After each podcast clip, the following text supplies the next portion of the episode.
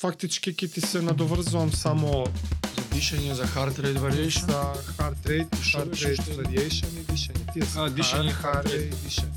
Ќе објаснам вредноста да си го следиш тоа. Зошто е важно да го следиш и во најпроста форма.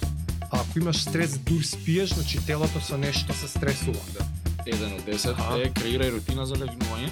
И дека deep sleepот е најважен, Deep sleep ти е physical recovery, Да. а REM ти е mental recovery. ама има некој истражување што не е баш така. Ај така ги носи важе. Дека ова ментал, ја не така ги знам. важност или не важност, тоа е. Ај, помини ги да презина Да. само точките. Под број 2 без кофеин, после 12 на пладне. Под број 3 не пи течности 2 сата пред спиење, а под број 5 изгаси ги сите светла 1 сат пред спиење, изгаси ги сите звуци, бирај што јадеш за вечер. Температура за совршен сон. Тоа е најоптимално време за легнување е 10 пм до 2 пм зашто тука се а, 10 пм да веќе си спиеш, Добро. меѓу 10 и 2 се најдобар е sleep. Одлично, Да добро. Едом разбуди се без аларм ако е возможно. Циклус Тоа е, тоа е одличен пример ти имаш. Кога пратам све ова на 8.00, Да. јас станувам, се будам. Се, no matter what. Исто јас секогаш 2 минути. Топ, топ, бум. Се што се следи се подобро. Тоа е па тоа, тоа, тоа ти привршуваш. Да, 9. Искористија фората со штиклирањето. Нач, еден од начините на кои што можеш да водиш тракинг, за дали си спиел добро, е што ти е пулсот са бај. Можеш Ако да, немаш уред, да. ако немаш да. уред, можеш да запишеш колку време си спиел и можеш да измериш и можеш да измериш пулс. Толку друго. За друго ти треба уред. И ќе ми го објасниш мене heart rate variation, што никад не го Heart rate направив на тоа у живот. Variability. Ајде, приближи овај. Ајде. Let's move it. All good.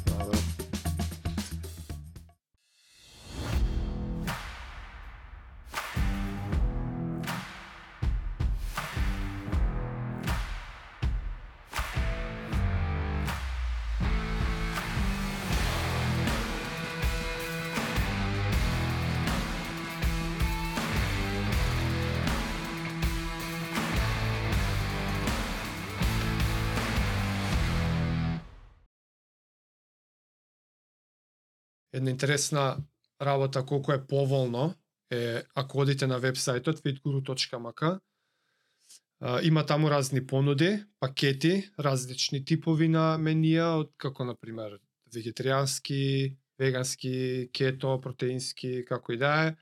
Пакети од два дневно, три дневно, неделно, месечно, што и да е. Што беше интересното, што за мене лично, вој период на годината обично кога почнува убаво пролета, поради X многу причини, не се X, познати се, ама да не ги набројувам, поради многу причини и јас самиот веќе се префрлам на исхрана која што е, има помал процент на јагле-хидрати и некои тоа го викаат кето, некои го викаат како и да го викаат. Е, важното што сакам да кажам е што на Fit Guru си видов дека ја има и таа опција. Има кето, нешто што ми одговара многу овој период. Се јавивме на луѓето од наредната недела си продолжи различно мени, така да и тоа е во опција. Ја се префрлив од протеинско на балансирано и Се префрли ти? Да, топ. Предобро. Многу ми се свиѓа, искрено. А замисли сега да треба да го мислиш, ајде сега пролет, што требаше да почнам да да Полесна храна, ово, давница, кој смеев, кој не смеев, па имали, па некако од цел нов ритам треба да воспоставаш. Вака некој ти мисли. Така да дури и тоа е мислам дека од голема помош. А ако случајно се решите, BIC10 е код што може да го искористите за 10% попуст. Голема благодарност и до Best Toy Solutions, до CrossFit Скопје и до вас гледачите како и секојаш фала ви многу. Денешната епизода сме само ја и Жаре. Две порете и прв пат. Да, да. Две поред сами прв пат. И денес имаме тема што е до сега се Тема две теми. Ама не, теми, теми, темиве ни се повеќе онакви екшен, као тренирај вака, мотивирај се вака, прави ова, прави ова. Денес е другата страна на на паричката, а тоа е кога и како треба да се одмара, важноста на спиењето, важноста на пулсот, на следењето на пулсот и некои такви работи кои што уствари посветуваат внимание на одмор, на рекавери и на колку уствари тоа најважно. И пак се ланча ни едно без друго не одат. Едно без друго. Затоа решивме да ги обациме во една Да. епизода. Двете старт од спиење нема. Спиење. Јас тука имам напишано некои 10 принципи за подобар сон имам начкравано на листов и ние ги поминеме едно по едно, али уствари со спиењево сега револуција направи да ме објашни ми текно како си дечко why why do we sleep? се вика книгата. Тоа е еден малце плав. не знам како изгледа. Не знам како изгледа само на илјада слушано на илјада подкаст, сум го слушал него како си ја промовира книгата не сум ја прочитал Бритиш клас има. да Британец. Ама кај сите бил можни што може и пред 4-5 години мислам дека книга Why Do We Sleep Да. се вика интернационален бестселер. Не знам дали е преведена кај нас, ама има више Kindle, Audible може да се нарача за секунда да се прочита книгата. Не знам. Човекот има направено истражување скоро од пола негов живот и влегол во оние ситници, знаеш, не ај спи 8 сата, од дете ти е муабети. И ама не е баш така. Не е, Не е времето колку спиеш, него е како спиеш. Он има толку навлезено детали, ве сега ќе ги поминеме едно по едно. А, квалитетот наспроти квантитетот на сон, нели оно 8 сати што реков, некојаш и 7 сати е подобро ако се квалитетни. Да. Значи, многу е подобро да се да е добар сонот. Ако имате некаков си тип на гаджет како ние сативе што ги носиме Garmin, Apple, Mapple, сите више тие Huawei мове, дури ми се свија на на гаджетиве и направиве што ги носиме што има едно help пишува, Аха. кликаш и добиваш како едукација. објаснува? Што е deep sleep? Зошто deep sleep? Зошто е REM Да. sleep? Зошто REM? Што е awake? Знаеш, што ние има uh, awake, light sleep, deep sleep, REM sleep. Толку, да. Тие ги тие ги тракира, тие четири фази. И многу убаво може да си прочеш се доедуцираш самиот самиот гаджет на апликацијата ти го дава тоа. Е сега, што е квалитетен сон? Квалитетен сон е да што подолго време за физички да се опораваме, па минеме во оној deep sleep, длабок сон. А, а главата, нели оној менталниот, креативниот дел кај што се опоравува и се се рехабилитира од таковни обрски денот е у, REM sleep, rapid eye movement превод. Тој обично се случува нели пред да станеме и самиот саата кој ќе отвориш колку си спил и има ги има болдирано Да, како едни графи ги има направено темно розево е REM, посветло е awake, темно плаво има е како deep. еден како циклус се циклус? После deep sleep, кој што е во првата Тоа е во фаза, првата фаза, да. после тоа, као на секои 20 минути, light sleep, REM. REM. Light, Light- sleep, REM. И така неколку Да, циклуси. да. И значи што повеќе сте во тој deep sleep, пишува и на и на ова околу 30 на посто на апликацијата само пишува колку треба да си во REM, колку во deep, колку во други. Околу 25 до 40 посто доколку би достигнале ние од на пример со 8 сати ако спиеме, два ако ти се deep си Тоа е добитен. јако, Си да. добитен Тоа е- тоа Од сад до два јако. тоа е одлично. Зависи колку спиеш. Нема колку, 8. Ако си спил 6 сата, два ти се у deep, Супер. легитимно. Ама гледај да се 8. Да, ќе дојдеме до тоа. Ќе доеме до тоа. А, многу е важно а, нели припремата као за све. Мора да се спремиш за да идеш на тренинг, спреми торбица пред време, за јадење во што зборевме брзо и лесно. Припремата, за тоа нели фит гуру е добро, све ти е спремно, припремено, можеш да земеш даеш да не сгрешиш. Исто така и ки спиењето, како за све. Припрема. Е сега, Извини, знаеш што сакам да напоменам? Од ти цело време у глава го замислувам просечниот гледач, кој што се прашува дали ми е квалитетен сонот. И у типична моја мој стил нема преговарање, Не. нема компромиси, ако не го следите вака како што ќе го објасниме, значи не ви е.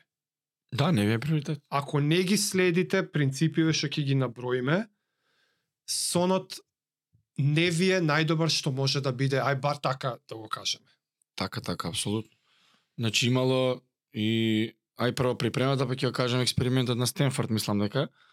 А, криле рутина пред да си легнеш. Пример, два сата пред да легнеш изгаси телефони, на оние на sleep mode ово. Ако е птен мораш да чепкаш нешто, има оние наочари за anti-blue light, Да. да не ти ометаат со мелатонинот кога го правиш, мелатонин е хормонот за спиење кој лачи за да ти се приспие едноставно. А, и мал милион ситници што ќе ги наброиме ги имаме подоле тие, али крија рутина што ќе те направи бидеш добитен 2 сата deep sleep.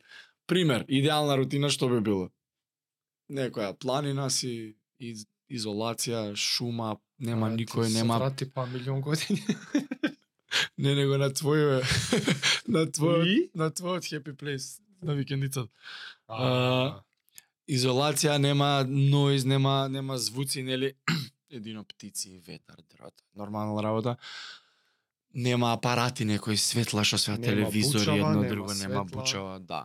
Пред саат време пред да легнеш, можеби ќе измедитираш, гледаш некое зајди природно сонце, паѓа температурата. природно паѓа, некое зајди сонце гледаш, тело се свести дека е ноќе, дека е време за спиење, не чекаш да е два по полноќ. Веќе е 9-10 на вечер, можеби некоја медитација, благо истегнување. И се тоа идеме кон припрема да си легнеме да спиеме. Е сега ова е идеално, идеално, идеално. Е сега версус модерно, модернава рутина што имаме ние спротивно е све обратно. Луѓе се успиваат буквално со телефонот им се успива на глава му, значи паја и се буди светла, пак. Имаш бучава, имаш Светла, екрани. бучава, екрани, е, најлошото тип на светло. лежење цел ден, не мрдање, не движење, не истегнувања, не активација на Јадење тело, касно, касно, лошо, пиење касно. иење течности касно, ќе дојдеме и до тоа. Значи, некоја рутина што се успиваш со серија искривен на каучот вака, те боли врато, лоша перница, лош душек. Се ова, се овие работи влијаат на лошиот сон. Значи, еве се, експериментот што го спомнав пред. Земале пече студенти, нели студент кој студент, 20 години, млади луѓе, совршено здрави, и 7 дена ги држале sleep deprived, со намален сон. А да не спијат. Да не, 2 2 2 до 3 4 сата им дозволувале, знаеш, ги дзензале, ги Аха. буделе, ако се успееш малце ќе те промале и станува. Направиле испитувања пред експериментот, здравствени. Направиле испитувања после само 7 дена. Што се до, значи студентите перфектно здрави на првиве тестирање. 7 дена проаѓаат со sleep deprived 2 до 4 сата на ден спиење. Искача дека се pre-diabetic. А физички тестови? Да, А ја мислев нешто Крв. ве, тестови. Не, не когнитивни. Не. Тоа не, тоа се знае дека ќе Не, не, не, здравствени. Да, да, да. Здравјето за 7 Здравјето, дена. точно. почнало, крвната да. слика, урина, ова, значи са само 7 дена dep uh, pre-diabetic биле со шанса да станат диабетичар. Е сега позитивната страна тука е што не е за секогаш, него после тие 7 дена им дале 7 дена да се наспиат колку што им требало, им направиле повторно тестирање и испаднало дека ова сите симптоми се повлекли и биле како првичните тестирања пред да ги држат sleep deprived. Значи колку е важен сонот, сакам да кажам. Помножи Седум, седум години. седум денови и ќе кажат луѓе добар беше човеков од нигде никаде се деси. Не е од нигде никаде. Да. Секогаш има некој корен. Сега ние сакаме преку вакви цел по цел, ситница по ситница да ги разложиме и да петте фактори да ги донесеме на површина да ни помогнат за поздрав и долготраен живот. Тоа со рутината, Мгм. јас мислам дека е важно заради конзистентноста. Мгм, мгм. Што и да е рутината, Да. сватете го како нешто што ќе ви помогне да секогаш во многу исто време легнувате. Тоа е една од најдобрите работи што можеш Да да, се ги направиш навикнеш. за добар сон. Оти неколку пати кога ќе повториш, телото ќе знае да си очекува Аха, спиеме се. Да, тој хормон сега ќе го лачам, Мгм. овој ќе го намалам, инсулини, мелатонини, тралала, и ако ти ти е станато навика у 10 да си легнуваш, таа тера ја за секогаш. И не тој истиот имаше кажано еден во седум дена може да е исклучок. Аха.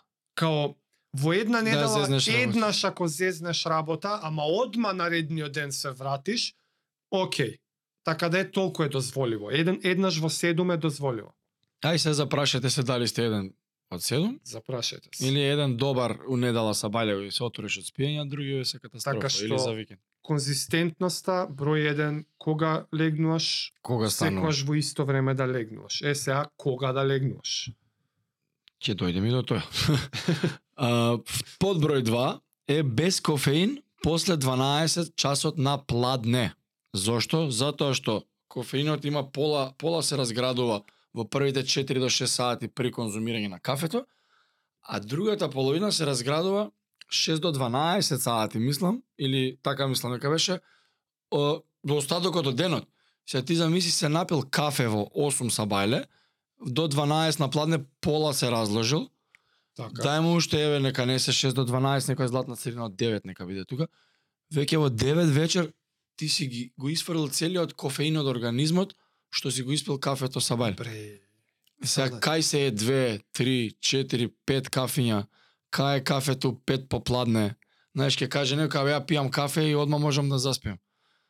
Да, затоа што премногу си навикнат на кофеин. Дискутабилно е И кои си- фактори тука. Да, е, кофеинот делува првите Ама пола не, 45 ако- минути. Пази, а, збориме за квалитетен сон. Да. Да, може ќе Да, заспиеш. не, да. Ние не тврдиме ти ќе заспиеш, си створил некоја навика. Ама 8 сата што ќе ги спиеш, Стресот внатре од телото, дали си не го добил тоа што треба да го добиеш од сонот? Не. Тој Нема како. опоравок, тоа тој рекавери. Така да ти ќе заспиеш, да, со 7 кафиња у тебе. Имаш Тама ли и си развил толеранција на на кофеин. Не мора да значи дека или си премногу уморен Да, едноставно. да, да, Животот да. ти жив не наспан. Многу фактори си игра. Али сакам да кажам луѓе што пијат едно кафе у денот. Мене ја порано сум исто викам како може да не ќе сапиеш кафе и да не можеш да заспиеш, не разберам. И ми се има десено еднаш стварно и кој глуп бака да ти стварно не можеш да заспиеш, многу е лош. Што дали имам? Што ме за праша? алкохол? Немам за алкохол. Имам за течности.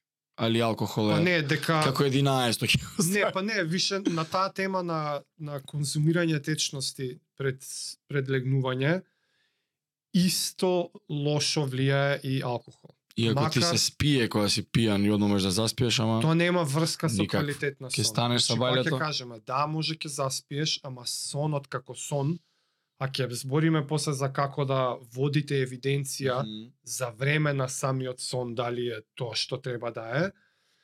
А, и најмала доза алкохол, исто така не знам колку сата пред легнување, одмарат. Ја, Колку сакаш биди толерантен, колку сакаш не биди пијан, нема врска со пијанство, нема пијан, врска со дали ќе заспиеш или не. Самата самото количество алкохол во организмот, рачунајте дека таа вечер не сте спиеле. Да, еве ти за течности баш влагаме, не пи течности 2 сати пред спиење. Зошто? Што ќе Да не станеш да, мочаш. да мочаш. Ако станеш, ако станеш да мочаш усред усред ноќ, автоматски си се разбудил, нели една од тие Да. 4 awake компоненти, а, си се разбудил и си го прекинал ритмот, си го прекинал сонот. Да, да, да. Ти најдип да си бил, си прекинал, цап, до тука било, следно на листата иде awake, на графата, и тој тера, ти идеш у веце, Два сата. враќаш, Ја и поише остам, знаеш дека ја поише остам. не, барем два сата, Да, два Барем. малку нека. барем два сата, значи најмалку, најмалку два Да, часа пред да. легнување немој да пиеш течност. По дефолт ќе станеш. ми е да не го чуат ова и ич да не пијат после дехидрирани цел ден. Значи Не, пите вода, пијте два сата да да легнете не доволно до 7-8 вечери Да, да. Чи сосем ти 2-3 литра испи преку Да, бе, да, да. навечер не е страшно. А, исто така, под број 4, некој не треба да јадеш пред спиење, не, не треба да пиеш ништо, не треба да јадеш блиску до легнување или многу е тука важно зашто и типот на храна е важен што го јадеш. Ако изедеш Да. ти зелка, таа се вари 10 сати. Да. Јас знам дека е зеленчук и окей, све е тоа супер, и дека е здрав избор на оброк, не викам не, ама или се туна салата некој. Си бара време да се свари. Ти додека спиеш, ако телото вари храна, да. Ко- Зашто викаат навечер некој лесен оброк? не е тоа случајно. Лесен оброк е еден омлет ќе изедеш, ама пак тоа нека биде 8-9 навечер. Е затоа се добри оние фастинзи, Како јадеш е, од тогаш до тогаш, Да, бе, да. пред време те носи одлуката и тоа е тоа. Али еви да јадеш, да, да ти се јаде да умираш, подобро легни гладен, Да. него ли Да. да, јадеш и да легнеш 15-20, пола сат, сат. Што ќе се вари храната и директно влијае варењето на квалитетот на сонот. Затоа што телото не се одмара онака скроз. Deep sleep е, уствари, кога сме биле деца, еве ти имаш дете, сигурно се десило, ќе се успие на гости негде. Аха. Или ќе се успие дневно на кауч или под маса, не е ни важно, јас успеав под маса комал. и најднаш ќе се разбудам свалето кревет како сум, што појма. Некој од моите ме зелна да, према. нем, немаш, ништо не сеш. Ќе земеш дете или мене кога ме зима некој мал, не- како мртов човек вака. Нема, не, не се буди. Посебно деца, они па многу се уди. Тоа е deep sleep, а не е deep sleep. Еј, ме разбуди ова на мене ме буди да мрдне нешто. Тоаш не си у deep sleep. Да, тоа не е дис. Deep, deep sleep, вистински е оној која што бомби да пукаат надвор, не може да ме разбудат. Е, тој човек што го кажува тоа, спие deep. Out. Тотал shutdown. Shutdown. Значи, несвест, телото- не, нема ни сон. Не, не. Ни сон ништо нема. И ова се случува во првите мрдање, првите сати Ни од телото не мрда. Не мрда. Ти ако почнеш да Е, преташ, те ти тоа си ќе у следно. Да, ако си легнал на една страна, стануваш на другата, значи не ти бил квалитетен сон, чим си мрдал додека си спил, дури Да. несвесно, дури да си сонувал. Да, да, да. Тоаш не си бил во дип, си бил во рем, чим си сонувал. Значи тоа е. А, немој да јадеш варењето го уништува квалитетот. Подброј 5, Чека, извини, дека ја мислам како уште едно плюс информацијче за јадење, сигурно е тесно поврзано со лачење на инсулин. Да, Посебно ако оброкот што непосредно пред спиење има јаглехидрат, тоа обавезно Спајк. тригер, значи лачи Пак е тал, Инсулин? браното што го зборевме во прошлата епизода. Значи, инсулинот Истата штом се метода. излачи, тоа е веќе Потрошена еден вид енергија. стрес Да. на телото што сега треба да работат. мгм. Фабриката треба да работи, да испроцесира тоа се, да помине и тоа трае со сати. Ти која треба да одмараш, телото Со троши енергија. Сати трае тоа.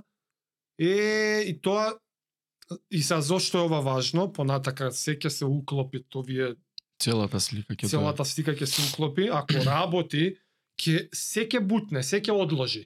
Наместо кога ќе легнеш за 10 минути да си аут, и да складира енергија да се одмара не, телото ти рекавер. два сата ќе се врткаш, нема можеш да заспеш, е, па ќе ти го па а и да и ако влезеш во длабок сон, ќе влезеш тек после 4 сати и наместо си у длабок сон 2 сати ќе бидеш 40 минути. Значи се е тоа одложено, бутнато за за тоа, за тоа не треба. И затоа ако се мислиш да јадам, но не, поедно не јади. Парно не. Гладен, не. стварно е ненормално подобро. А ја после ќе објаснам и одлични примери и бројки што покажуваат колку има разлика. Под број 5 мислам дека сме е, изгаси ги сите светла еден саат пред легнување. О, мислиме на модерното blue light. Телефониве се негде прочитав дека iPhone не знам од кој модел, ама го интегрирале у телефоните, не треба ни ап- апликација, не треба ништо автоматски, мислам дека. Демек, Али може и да е Демек прича. му прави night како night Аха, mode, night како mode. night mode, Се малце жучкасто го прави. Аха. Ама пак Пак, гледаш телевизија. гледај рутината да не Да. ти зависи од екрани. Да не преговараме. Дури и другите светла по дома, ај ако не скрос изгасени, ама тоа се треба да биде намалено, блаж. Замислете си огин. Да. Замислете си Стишано. шума, пештера, паднала ноќта, се е темно и има едно огинче што кај да ќе се изгаси и треба да се толку, тоа е дозволива светлина. Дури она од ресиверот на која оператори да го користите не е важно, што светка дека е упален. Аха, да. Дури и тој пречи. Да, на Направиле, да, да. исто експеримент, некој спие, за спиење експеримент, спие човек, покриен цел, нема дупче светлина не влегува, го светнуваат на кожата, човекот цврте на другата страна. Скенираат, значи гледаат, го пратат у моментот како спие на, на компјутер, прави disruption на спиењето. Да, да, да. Самата кожа Зеленко, детектира плавко, црвенко. ни да не е со очи, да, Да. не те затемни. Значи, и ние пак се враќаме пред милион години, значи луѓето спиеле во пештери. Кој ќе се стемнело било време за Ма Тоа спиење. ми е најнемогучи. Ја го памтам тој експеримент, го читав. Да. Кожата му Кој детектира. па најголем орган у телото? кожата ви детектира светлина. Сега нормално од сите тие фактори овој може не е еден од најголемите, ама Ама пак у целата слика сакаш чекор да по чекор, да. внимавај. се две да се подобрат од овие. Да. Сикјар. Па идеш Да, на да, следно да. па. Значи, а, го уништува квалитетот на сонот, не му дава на мелатонинот да се лачи доволно и цело време си лајт, можеби ќе се разбудиш и ништо сме и 8 сата да си спиел, се веш гледаш, жив не наспан, станав катастрофа. Значи внимавајте на тоа, битни фактори.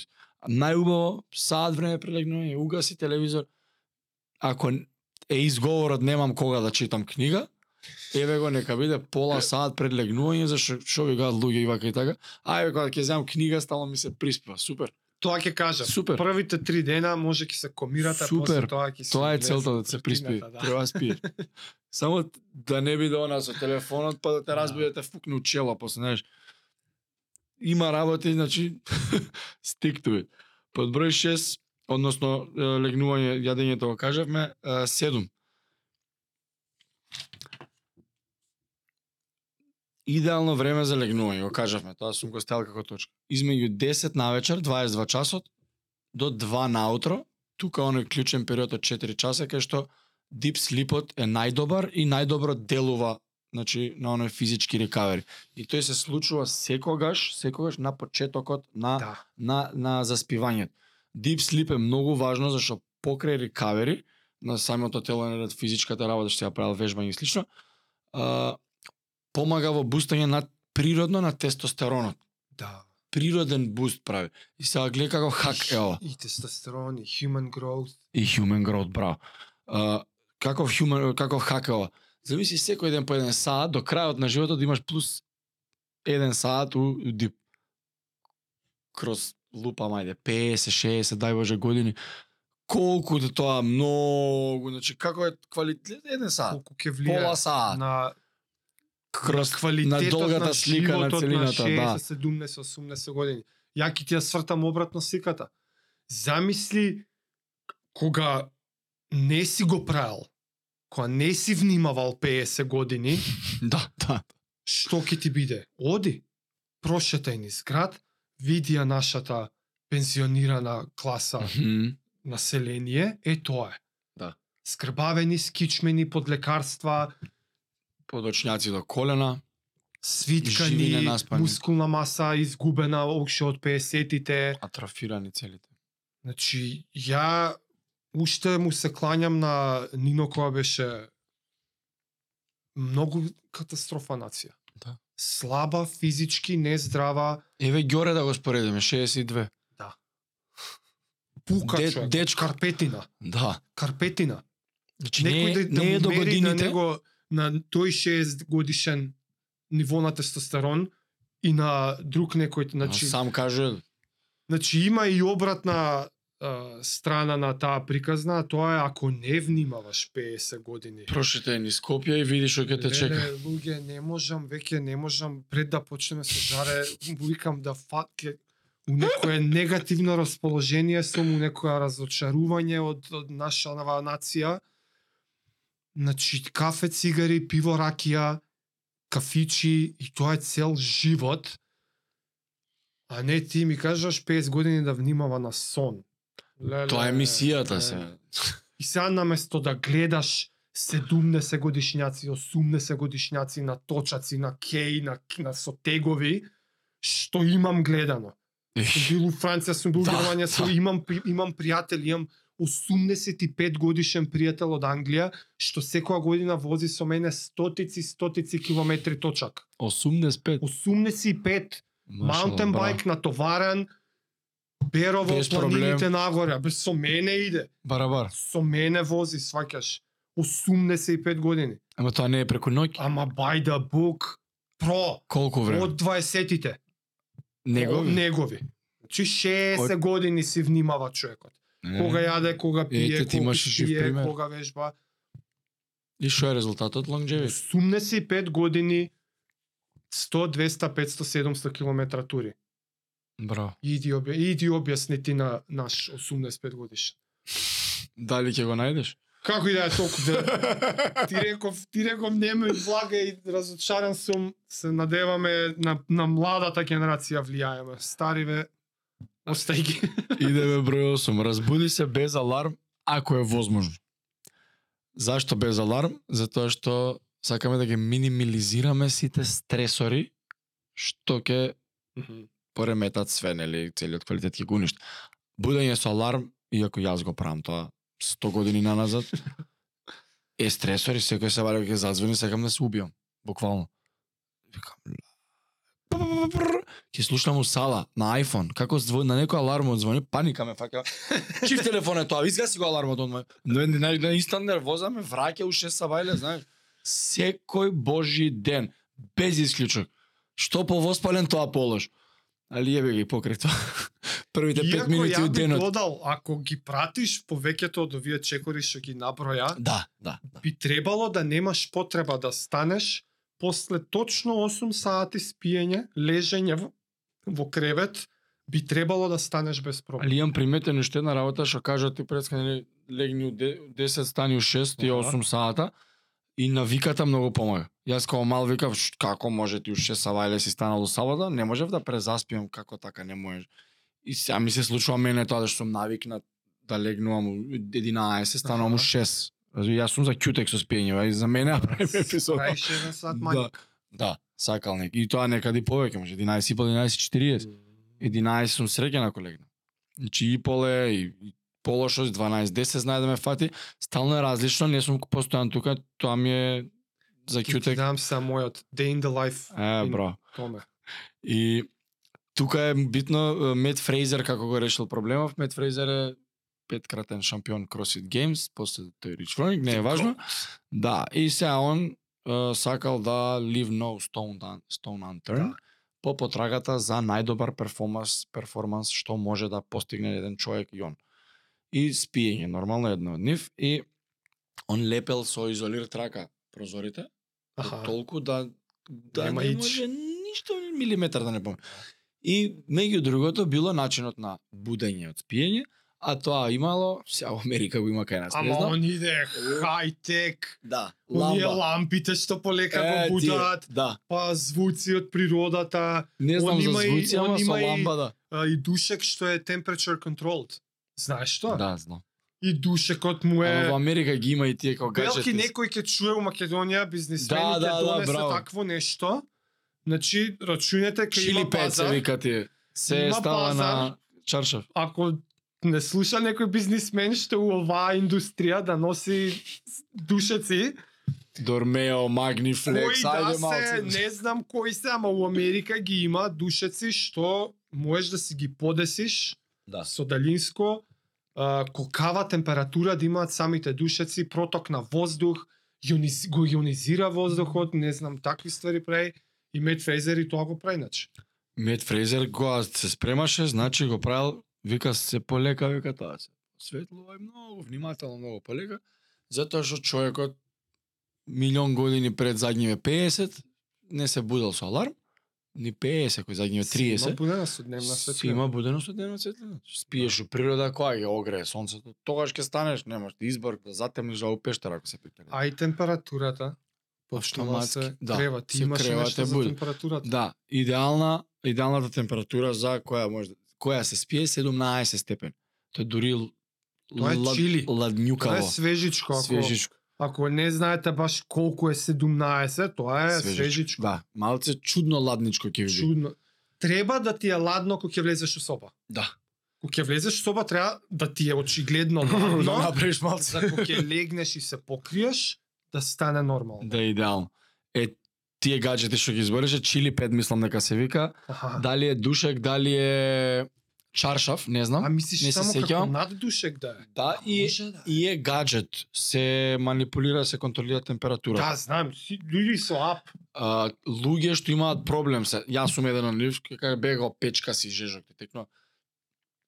Што самото тело висока температура Да, има, да. ми е се потам, топло ми е цело време, ми е Па активна мускулатура. Секлето лето не трпам, полудам. Зима ми е побаво него лето, разбираш, нема секлет, нема нема овако. Да си одерам кожата у лет. И за луѓе ко мене тоа е топ, Да. што не им помага дури ни 17 степени соба. Значи напавувајте луѓе. Напавувајте, ја жара одма купувам. Одма. Спонзорство ќе направим. Нема проблем. uh, така да со температурата е тоа и track the quality and quantity of your sleep се што се следи се се подобрува. Така е. Се, на пример, uh, наједноставно ако немате вакви апаратури како саативе од било кој бренд, не е важно сите го прават тоа. Многу лесно можете само uh, легнување и станување. Еве, за почеток и може да измерите пулс кој ќе станете колку е. И тука е чекор еден. Да, Земи- за следење. За следење, за следење. некој лист на страна до Лист, креветот. хартија, значи хаби тракер од 30 дена, спиење, Легнав у толку сат, станав у толку сат, толку ми беше пулсот. толку сати спив. Толку. Да. И не мора ни да го мислите многу у моментот. Нек се соберат.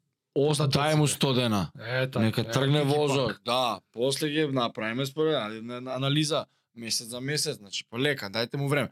Самите сати што ги носиме, ти вика 30 денови му треба да го носиш ти саатот, да вежбаш, да живееш, да правиш, ќе правиш, да не го вадиш, за алгоритмот према твојот Да, да. хард Да рейт, ради те научи, буквално те научи. Кои ти се, Ете да, иначе како да извади кој нема. Да, бе, да. Мора и на, на самиот саат му треба дата од барем 30 дена за Така да е. почне да делува на према тебе. Што полого го носиш, валјда тоа е подобро, поише дат.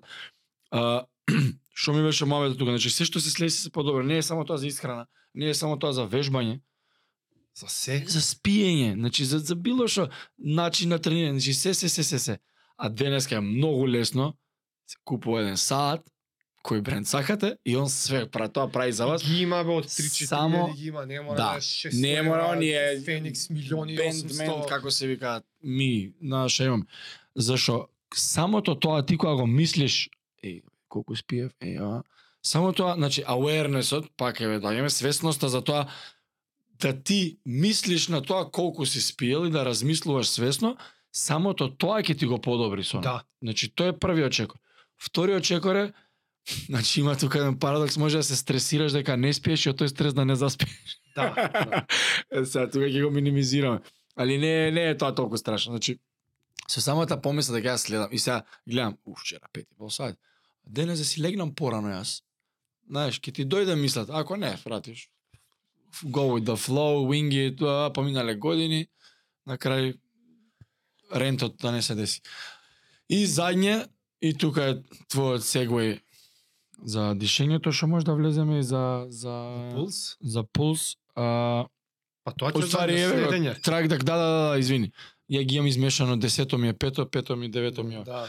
Значи, Следењето. следи го квалитетот и квантитетот на спиењето. И сега ти тука ми каже една интересна работа, на тема следење, беше Ама пред да- пред да преминеме на тоа, да не им дое многу теорија, јас сакам практично како изгледа еден мој просечен ден и велки со тоа да доловам на повеќе луѓе дека е ова многу лесно и реално изводливо. Не е- не е може би делува премногу, ака ај сега нам и уште и на тоа да му мислам, па ама чекај ја и демек ќе жртвувате кој знае што Ама што ти е поважно од својот живот? Ништа не може жртвувате, еве како изгледа еден нормален ден што веќе со години ми се повторува мене и пак ќе кажам, ако има исклучок, се дешава еднаш у две недели. Го дозволувам исклучокот, немам проблем, затоа што знам дека имам историјат од години навика стекнато, еднаш у недела две не е страшно, ритамот не ми се пореметува. Јас сум татко, вработен, тренирам, многу тренирам, работам колку што работам, снимам епизоди, читам книги бар една неделно. Така изгледа мојот ден, толку е пун, споредете си го со вашите денови. Мојот ден почнува од вечерта од 8. Значи, ја гасам се. Се што има везе со телефони, компјутери, телевизори, се завршило у 8. Јадење, пиење, значи, ова е пред ти да ги кажеш листиве. Ова со Така е. години веќе ја вака го правам. И убаво ритамче и со керка ми јаме направено, затоа што и она од прилика тоаш почнува и нејзината рутина. Се миеме, се спремаме за спиење, пижамчиња, приказка, песничка и јас сум со неа или мајка и, ама и јас сум тука некаде, исто слично го правиме. Од 8 почнува тоа. Ја, и се стишено светла, стишено звуци, кај неа во соба имаме лампи, избегаваме лустери на, на од таван да вриштат. Значи лампичка некаде у некој ќоше, после 8 саат сме со лампи, не, не е светот сијалици. и со керка ми исто, до 9 саат, она е у 9 у кома. Топ. Откај неа у соба, идеме у дневна, лампичка уклучено, телевизор изгасено, нема, телефонот do not disturb, на пуњач, Sleep mode. се е стишено и јас сум на фотелја со книга. Еве рутината под број. Тоа ти викам. Тоа е, значи, ја сега сакам практичен пример, ова е вистински ден во мојот живот, вистински. 10.00, а без со пиштол можеш да дојдеш да, да бомби да пукаат, јас сум готов. Готов. Дури последните 5 минути по автоматизам почињам ко зомби да се Како движам да. да се подзамија малце, да се освежам, да се пресоблечам пижами, влагам у спална. Ние сме на централно парно дома. У спалната парното изгасено. Секогаш Да. откако сум доселен. Има тераса, има прозор, скоро цел ден е отворено. Освен кога е загадено, имаме филтер. Кој што исто така лади.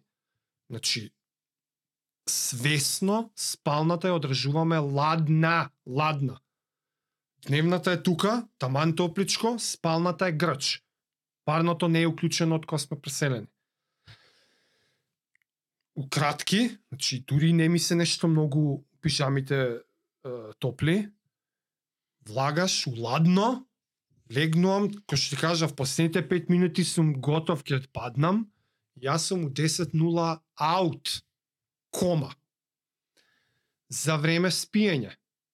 10.15, 10.30, јас сум веќе deep sleep. Е сега, сите овие информации за време сонот како ги знам е на тема точка која и да беше следење. Јас следам веќе со години со е, саат кој што мери пулс и HRV, а тоа е Heart Rate Variability. Ке објасниме повеќе за тоа. Важно, 15 на минути после легнување, јас сум во длабок сон. И во просек, мојот длабок сон е саат и 45 минути. Топ. И овој просек е изваден од 3 години. Пу, бро. Значи, саат и 45 просек од изминативе 3 години. Пред да го имав овој саат, ја правев тракинг повеќе од 20 години, од почетокот на мојата атлетска кариера, тоа е средно. Немав појма, ја мислиш, подкасти постоја. Гаджети не постои. Јас само знаев дека утре дента тренингот ќе можам да си го предвидам. Не знам ни од кај сум го знал, тоа едноставно. Си осетил? Обз, ама обземен си, бе обземен си со спорт, интересира се можно за перформанс и ти треба секоја стотинка ја бараш од предна, значи Особено од твојот спорт. особено во атлетика, значи ја од средно Секунда од менува. 17 години имав тефтер во кој што запишував си легнав у толку, станав у толку. Кога станав без аларм 8.00, нема ми веруваш ќе ти покажам после. Ако ми е сат и 45 минути deep sleep просек, просек во кревет и просек спиење ми е 8.0 и 7.59. Ја поише од една минута буден не лежам. Ја лежам 8 сати у кревет, 7.59 ми е сон. Спиеш. Без аларм станувам. У 6.00 јас сум свеж, одморен и мерам пулс. Пред да го купам овој саат, го мерев со рака на срце. И имав аналоген саат на зид и само вака ќе отворев очи и со очите на страна од зидот Цела чекам- минута чекаш или си ја- 15 си ја- секунди Не, потече? си ја мерев, кој ќе множи. И плюс зошто цела минута, откако го правев тоа со недели, со месеци, со години, забележав како ми варира пулсот во самата минута. Ја броејки можев да забележам 1, 2, 3, 4, 5, 6, 7. Значи, да, ќе ми откуца 40 во една минута, ама како неколку откуцаи се побрзи, Непостојани 40. многу голема варијација постои од од пулс до од од откуцај до откуцај. Тоа е heart rate variability, зашто ќе објаснам поише теорија понатака. Важно, тоа го правам од средно школа. Последниве години тоа го прави мојот саат. Ја станувам у 6.0. правам ладен туш, by the way, и тоа на лице. Читам, миењето ми е тоа. 6 и 5, 6, на лице, бам, ву, Директ? 40 секунди, да. да. Такво ми е наместено Да, да, тушчето, да, јасно, јасно. стои на зид и полу на Нема вака, ручката е на крај и полека вака ја пуштам и почиња прска и, и, и тука тоа е тоа и после стреч малце и сами почнува денот, работа, обврски, отварај планери и така дале, така дале. Седум дете, школо, носам и, И си така продолжува денот. Муаветот беше за спиење.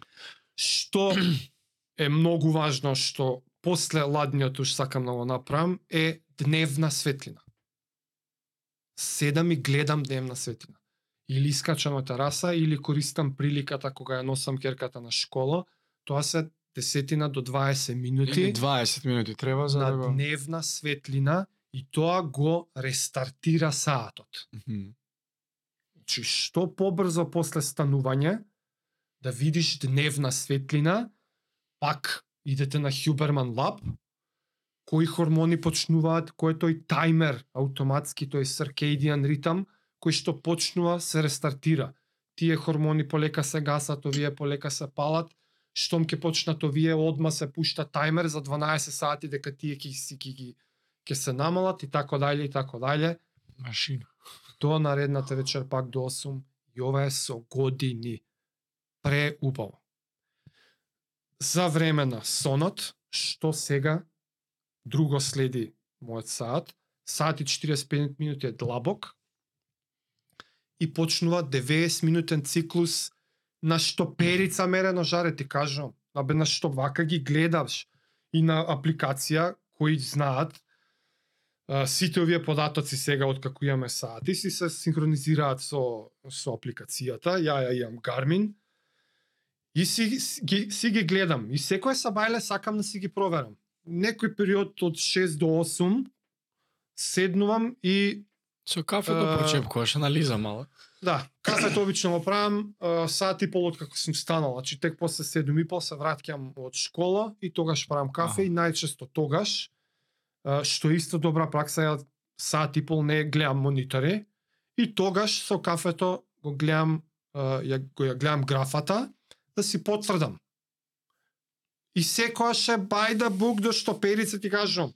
Длабок сон, завршил длабок сон, почнува циклус од 90 секунд, 90 минути. Light sleep, Рем. два- 20 на минути рем. Light sleep, 20 на минути. Значи сат light, пола рем. Сат light, пола рем и а, некои два и нешто ми се акумулира рем и околу 4 Па ти 50% Околу си уквалитетен. Требаше преку како беше до 60% да се комбинира грубо да си грубо четвртина ми е длабок сон, четвртина плюс ти е а, четвртина е поише од и четвртина. нешто ситно, да. е REM и другото е light sleep.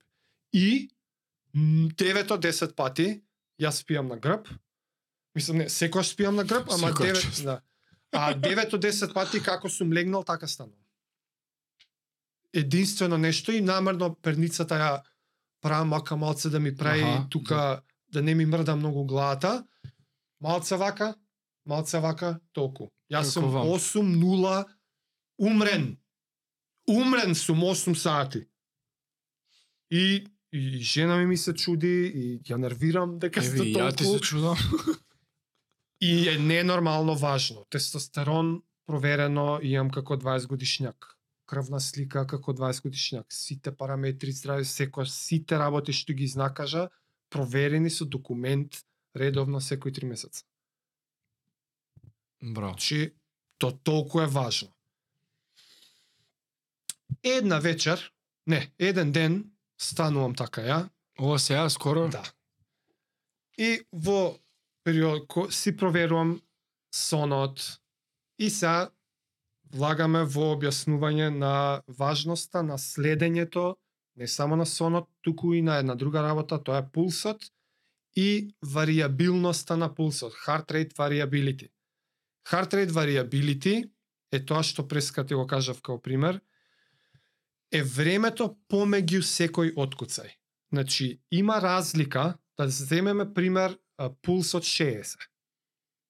Тоа се 60 откуцаја во минута. Во 60 секунди. Има разлика дали тие 60 ќе бидат перфектно како метроном на секоја секунда или истите 60 откуцаи ќе бидат со многу големи разлики помеѓу себе. Значи, секој откуцај, некој се случил за една секунда, некој се случи за 0,8, некој за 1,2, некој 0,7, 1,3.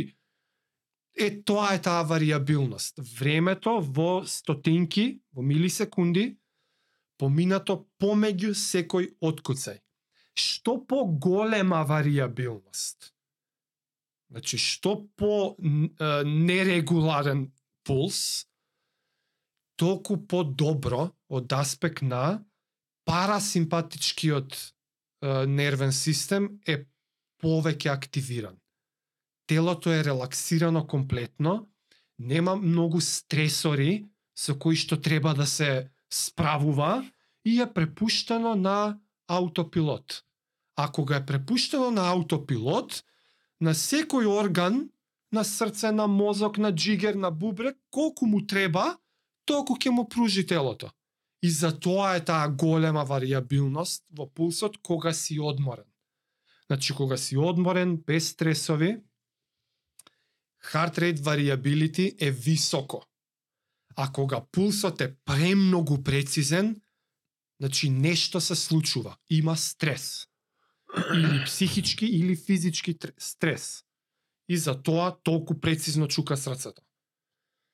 Тоа е едно мало теориско објаснување за пракса HRV. како предвидети. И у пракса, што се случува, а, пак ја ова го следам од перфо, спортски перформанс, затоа што има голема улога во одлучување за што да тренираш на денот на база колку свежо си се одморил. Уште едно нешто пред да го дадам примерот, извини, е, како што спомнав уште од средно, resting heart rate, пулс при мирување. Значи ја тоа го мерам, кој што ти кажав, со рака на срце од средно, сега истото тоа го води и саатот. Со тоа што не само што ќе го измери ќе го измери тоа што си се разбудил, туку и препознава било кога во денот си во мирување, саатот го знае тоа, дали ја мрдаш раката или не, или трчаш, или си уклучил тренинг, или не, кога не се движиш, саатот знае дека мируваш и он фаќа снепшотови. Што колку ти е пулсот додека мируваш.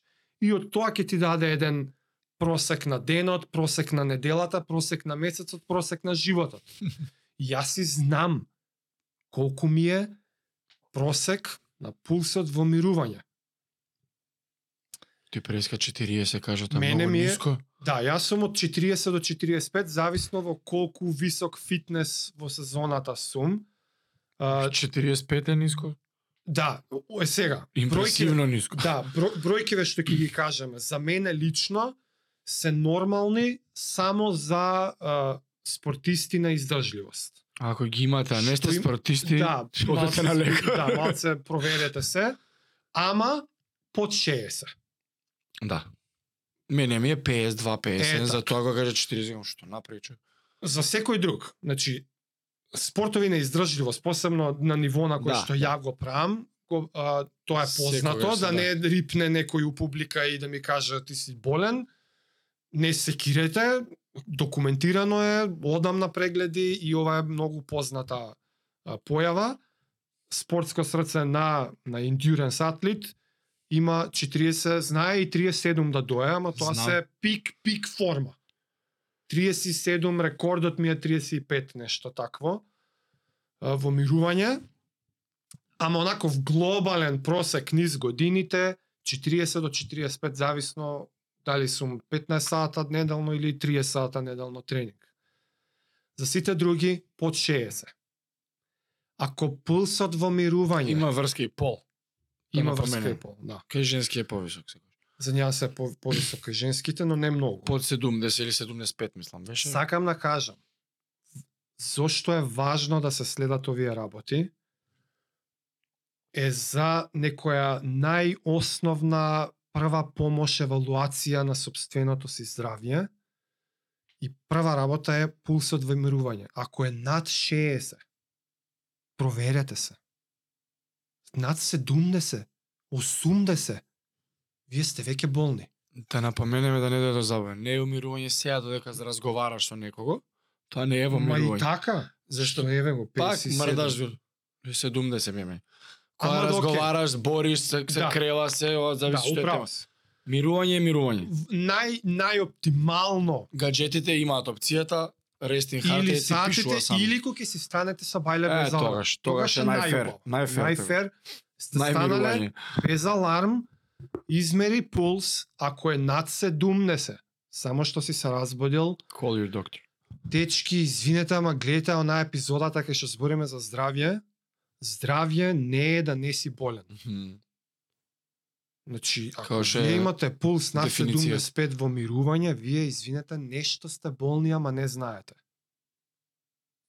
Жал ми е да ви кажам вака, ама тоа е реалноста. Или во најдобро сценарио, бар не сте здрави колку што може да бидете. Или сте на чекор до некаква Да.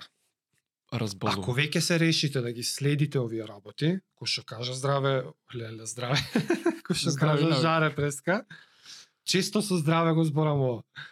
Кој што кажа жаре преска, 30 дена минимум да се соберат податоците, Една па дата, 3 да. месеца и вредноста, величината на ова е историското е, еви, е, документирање и евидентирање на податоците. Кога правите еволуација, што повеќе толку подобро се запознавате себе си, ќе си ги приметите тие трендови и затоа е толку важно тоа со пулсот. И конечно примерот, Да. може да ви се случи покрај сите мерки да ги пазите, да се разбудите са бајле и да се надевам дека си водите, некако следите и се будам ја жаре. Не само што не ми се наполнила батеријата, нула. Испразнето скроз цела вечер, Она бади батери што пишува? да. Води ба, ама колку ти беше? нула. Нула нула, буквално нула. нула. Од а 100, јас се будам со 100. Секогаш? Ја легнувам со 50, се, Аха. се будам со 100. И ХРВ-то е, е многу са Консистентно. обратно е на на графиконот на Garmin го покажува ниско, кога е уствари ХРВ-то високо, нели објаснив, ако имаш високо ХРВ, значи си многу релаксиран. Uh, тука така го прика како како графикон како uh, вака Да, Графикони крива, се, така, да. така. или си во синово зелено или си во помаранџасто црвено. Ја цела вечер у црвено. Значи, У вечерта? да, цела вечер, 8 сати. Како сум легнал набрзо после тоа, ми рипа ХРВ-то, односно паѓа Паѓа. са како ќе го, ама важно станува пулсот, метроном 75, не 40 и нешто, Невообичаено за тебе. невообичаено за мене и фала што кажа, значи тоа е поентата за себе да си видите што е невообичаено и за тука е таа Сите сме различни. важност секој, да. на на историјат на податоци. Кога си легнав супер си бев. Немаше се осеќав, нешто... Немав симптоми, не ме гребеше грло, немав нос, немав Слепоочница. Ништо, ништо, ништо. Си легнувам, се супер. А си легна со колку просто батерија? На, на како, телото? како и секојаш 50. 50%. Како и Се секојаш. разбуди со нула. Се будам за нула. Аман бе. И тоа јас си знам, на пример, кога правам тренинг, какво ми е ХРВ-то, тоа е, тоа е е, само нанесен стрес. Тренинг е само нанесен Позитивен. стрес, тоа е позитивен, нормален стрес кој што ќе ќе предизвика адаптација на телото, за тоа тренираме, значи адаптираш срце, адаптираш митохондрии. И така, јак не. И додека тренирам, на пример, си го знам ХРВ-то, с- стотка. Чи до даска е, затоа што си под стрес. Срцето е 140, 150, 160, значи чука, та та та та та та та та та та та Нема ХРВ тука. Е така цела вечер сум спијал. Како да сум правил тренинг. Будење на нула, се уште не осеќам ја дека ќе се разболувам. Ама гледаш Салатов кажува. Ама се будам и пред да приметам нешто не се осеќав баш, си продолжив со нормалните ритуали на денот, кога се вратив од школа со ќерка ми, да проверам, да си потврдам, не се осеќам баш најдобро, и тогаш забележав. А, о, готово. И знаев дека следи Краш. болест. Е сега, не дека сум ја предвидел, ја веќе сум бил разболен. Ја веќе нешто сум имал во себе, телото се борело цела вечер, сега ќе следат симптомите. Да, не ти давало симптоми уствари. Јас симптомите уште не сум ги видел, ама од прилика 12 до Дејството било 24 направено. сата унапред, телото почнало, ама ја важно знаев и бев спремен. Откажав тренинг, Не, бро. Откажав наредните два дена обврски. Имавме снимање тука Да, да. некое за Томас. Мгм. Најавив по дома, најавив по луѓе. Идење у аптека дур можеш да идеш. Знам што ќе се, ќе ми се затне носот, ќе има грло, земи нешто за температура, што и да Витамини, е, да. витамини, пробиотици, чуда. Негде после ручек, shutdown. Ја мислам дека имав COVID. Имав лани летото и ми беше така.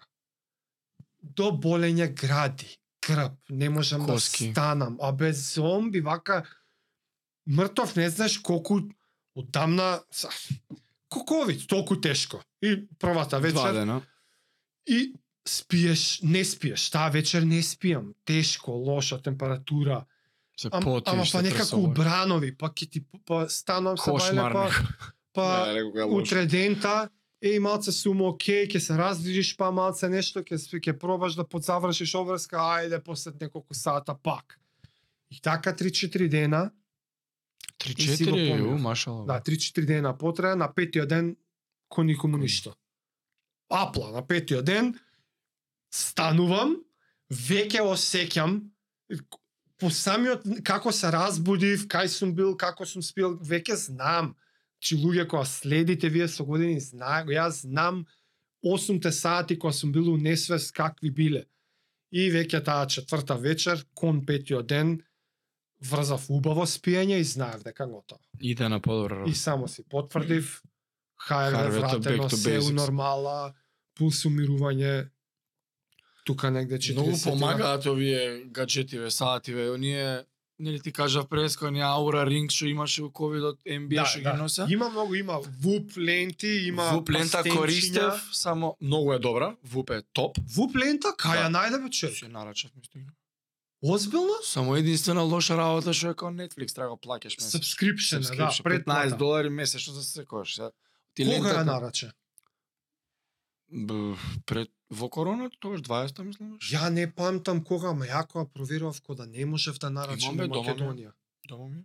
Ти си имаш ВУПче, а? Имам ВУП, ама имаше 6 месеци некој дил тамо бесплатно, бла бла. Ај Со ти нарачка и не го не продолжи со subscription. Нема 15 долари, 3000 денара да им Да, даш да, месечно да, до да, крајот да. на живот. И викам многу е поисплатливо да купам еден Си Garmin Купиш сад, да. и малку поскап да е 30.000 да е 30 месеца ВУП, е тоа и за секојаш ќе ми го имам саатов, ме разбереш? да. а ова да друго користиш го плаќа. Добро е ВУП, топ. Спиење лудило, стварно е многу добро. И е со кросфит многу тесно поврзано. Дечки со кросфит што се блиски го имаат креирано и имаат со тоа со таа цел во ум. Со таа да. И мислам дека од кај нив HRV-то почнува.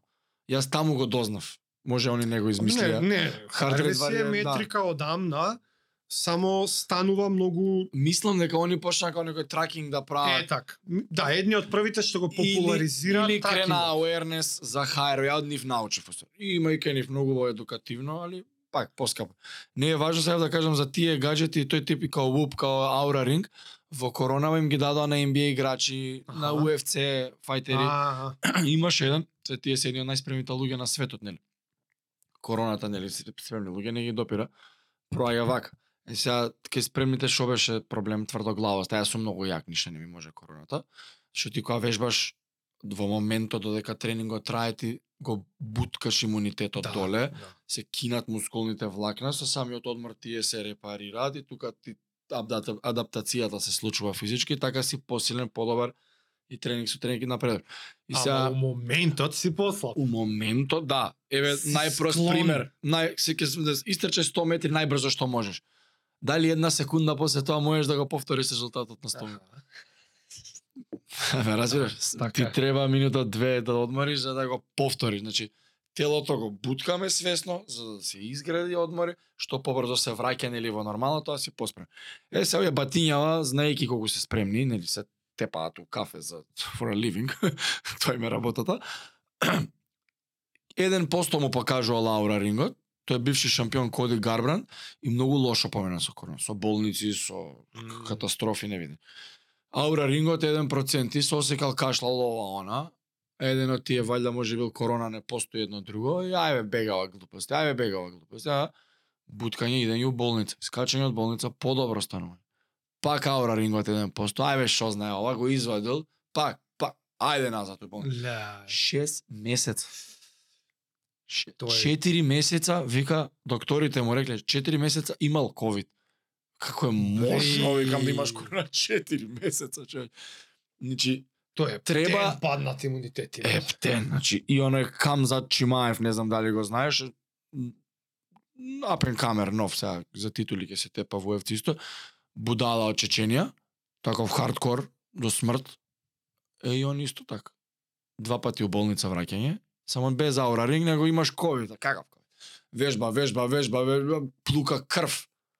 Дечко да е у болница, иде у болница, задржување. Кој е задржување? Кине, искате пак на тренинг, па за, за главу зид глупости. Значи, некојаш толку кога си спремен, да. значи верувај им на Да. гаджетите. Не те лажат, сега не е у моментот, е уште тренинг 145 ми е пулсот, ај сега ќе пододморам, а си правиш сам муабет, викам, бе, човек, кога, ако ми правиш муабет, вежбај. Значи, мој, Да, да, да. Пулсот ми е 180. Не, немаш да можеш да ми кажеш, вежбај, вежбај, вежбај. Да. да ти е 180. Ќе нема да ми избориш. да. Веројатно ќе сакаш да дишеш сам. Така да, верувајте им на тие параметри, ама не се обседнувајте сега и на тренинг. 145, Уба, да. 104, ај сега ќе, значи, осеќај го телото Извини. на здраве. Овие работи, саативе и гаджетите што пратат се само една алатка, плюс да ни помогне да се осознаеме и да си го дознаеме телото како ни функционира и врз база на нели тие податоци што ќе ги собере, врз база на тоа како се осеќаме, ќе си направиме, ќе се склопат тие две во едно и ќе го искористиме максимално што може. Да, да, многу убаво, многу паметно кажа Жаре, не не се обседнувај. Не, али верувај му, прати го. Следи ги прати го, податоци. Прати го, следи го на тема свесност. Често го кажуваме Ете така. тоа, често е првиот чекор кон промена, првиот чекор кон осознание и за нашето здравје би да би да имаме зголемена свесност постојат најразни алатки. Значи во име на свесноста и е, водење евиденција лична, користете им, верувајте им, нека не ве нервираат, мене ми си има случајно неколку пати да препорачам на другари или на луѓе саатче, а мене ќе ме нервира тоа само што ќе ми стои на рака. Како спиеш Леле, колку, колку ти е тежок животот за толку малце екстра стрес да ти прави Ама не ти прави после или, ден се или навикаш. толку ли многу не ти е битно, воопшто ли не ти е важно, бар бар една недела, бар месец дена нешто пробај, нешто да си водиш. Не знам, некако мене, мене ми е Истиот тој адвокат и на работа носи метален саат секој ден, разбираш. да, Тој не, не ти преш. Или знам како спиеш со саатот. ја со може би едната екстрема на премногу следење, ама ти убаво Еве ја кажа. не сум до толку екстремен. Да, не, е така. Ама Некоја златна средина бар. најдете, водете некаква евиденција, имајте свесност и како уште една алатка во арсеналот на како може да си помогнете за ствариве денес што ги кажавме, е, сакав за дишење да спомнам. Многу чи, многу епизоди може да збориме само за дишење, многу луѓе знаат и повеќе и практикуваат и поврзано со Има медитација методи. ама а, кога сме на тема свесност, уште една огромна работа во себе евалуацијата на физичкото здравје во моментот и историски е и малце поголема свесност на нашето дишење. Запознајте се самите како дишете. Нема да навлагаме во точно какви техники постојат, затоа што кој што Ќе реков, направиме епизода и за тоа. посебна епизода сега да ќе направиме начнеме на со- тоа. Сега само сакам да кажам ако имате зголемена свесност за дишењето, тоа значи наредниот чекор можете и да го контролирате. Наредниот чекор на знаење на собственото дишење е да можете и да си го контролирате. Ако ги следите и другиве работи кои што ги набројавме, пулс, пулс помирување, сон, тогаш полека ќе почнете да научувате кога имате стресни периоди во животот, кога немате стресни периоди. Кога имате стресни, ќе сакате да знаете како да немате, како да, Да. го намалите стресот. Прво нешто што секогаш може би интуитивно ви доаѓа е да земете здив. Има зошто е тоа. И е, како вовед може би во некоја друга епизода и како прва вежба за дома, ако имате геджет, мерејки си го пулсот, пробајте да издишувате подолго отколку да вдишувате. Значи, земеш воздух 3-4 секунди, 4 со 6 до 8. а издиши подолго. Додека издишуваш, пулсот веќе паѓа. Во тие Да. неколку секунди веќе пулсот ќе падне.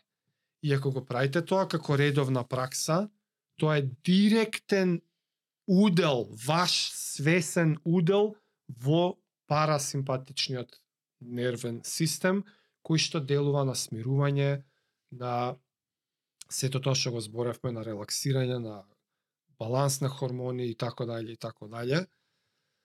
И е, тоа е за дишење. Може наедно да си го оставиме ние тоа Да, тема си бара саат и пол. Ама Да не речем тоа сакам повеќе. да кажам де, само од аспект дека е поврзано и со дишењето, дека со пулсот може и да се контролира. Пулсот може да се контролира, е една од техниките е дишењето. И сега кога кажав, нешто што не кажав, за мојот типичен ден. Еден друг беше, не знам дали го имаш гледано тој подкаст, е, за важноста на дишење преку нос. Мгм. Ја и тоа го практикувам. Има тоа цела книга на Бютенко А метод може требаше и да го додадеме како точка.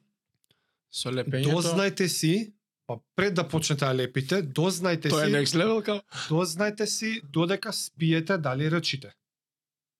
Исто Дали вие на направи уста? гаджети мерат е, breaths per Да. minute. Колку, Колку дишења во минута. Да. Ама е, за ти за вас што живеете можеби со некој, веќе може и знаете, ќе ви кажат. Ви дали речите, колку речите. Тоа има сериозен негативен ефект на квалитетот на спиењето, речењето. Sleep apnea, Sleep apnea е екстремната верзија Тоа на таа така. на таа на таа состојба, медицинска состојба кога до толку многу речите се гушиш. што одредени минути во текот на вечерта вие се гушите. Буквално гушиш. Го, го намалувате дотокот на кислород во мозокот, да не објаснам што значи тоа. Оу. На намалување на, на деоксидацијата на целата на крвта, на телото, тоа е прво нешто што сериозни болести може да се сериозна состојба е тоа, да. хронично ненаспани, никогаш квалитетен сон. Тоа е екстремната верзија, sleep apnea, но ако речите сте блага верзија од тоа. И ако не речите, а ако само дишете на уста, пак сериозно малку го користите капацитетот на белите дробови. Физички е невозможно, освен свесно со сила да зимаш воздух, да го активираш абдоминалниот дел од дишењето, што значи ако дишеш на уста несвесно, додека спиеш, ти дишеш со горните десетина 20% од белите дробови, а тоа е површинско дишење, тоа пак влијае на размена на кислород во крв и така дале и така дале, друга епизода за тоа. Така што нешто што јас го правам, личен пример, е јас знаев дека додека спијам во одредени пози, ако ми се помести нешто со перницата, знае да ми падне вилицата, онака сама, да си се отвори и постепено Да, да, се дишиш. да почнам да дишам на уста, што ќе ти ја исуши устата, грлото, па може Ќе станеш да ќе пие вода. Да, или, ќе се разбудиш, а, не знам за а, дентална здрава флора и за тоа имаше а, колку е важно ако си или е лошо со сува уста и такви некои работи. Како и да е, јас си лепам едно мало фластерче, вака само, тука едно мало, за пак ако случајно се затнеш или нешто, можеш Можеш да збориш е. За тие што ме само слушате сега, имам стајно прст на средина на устата и зборам, се уште зборам и можам да активирам уста. Тие што гледате, гледате, ама јас така имам фластерче.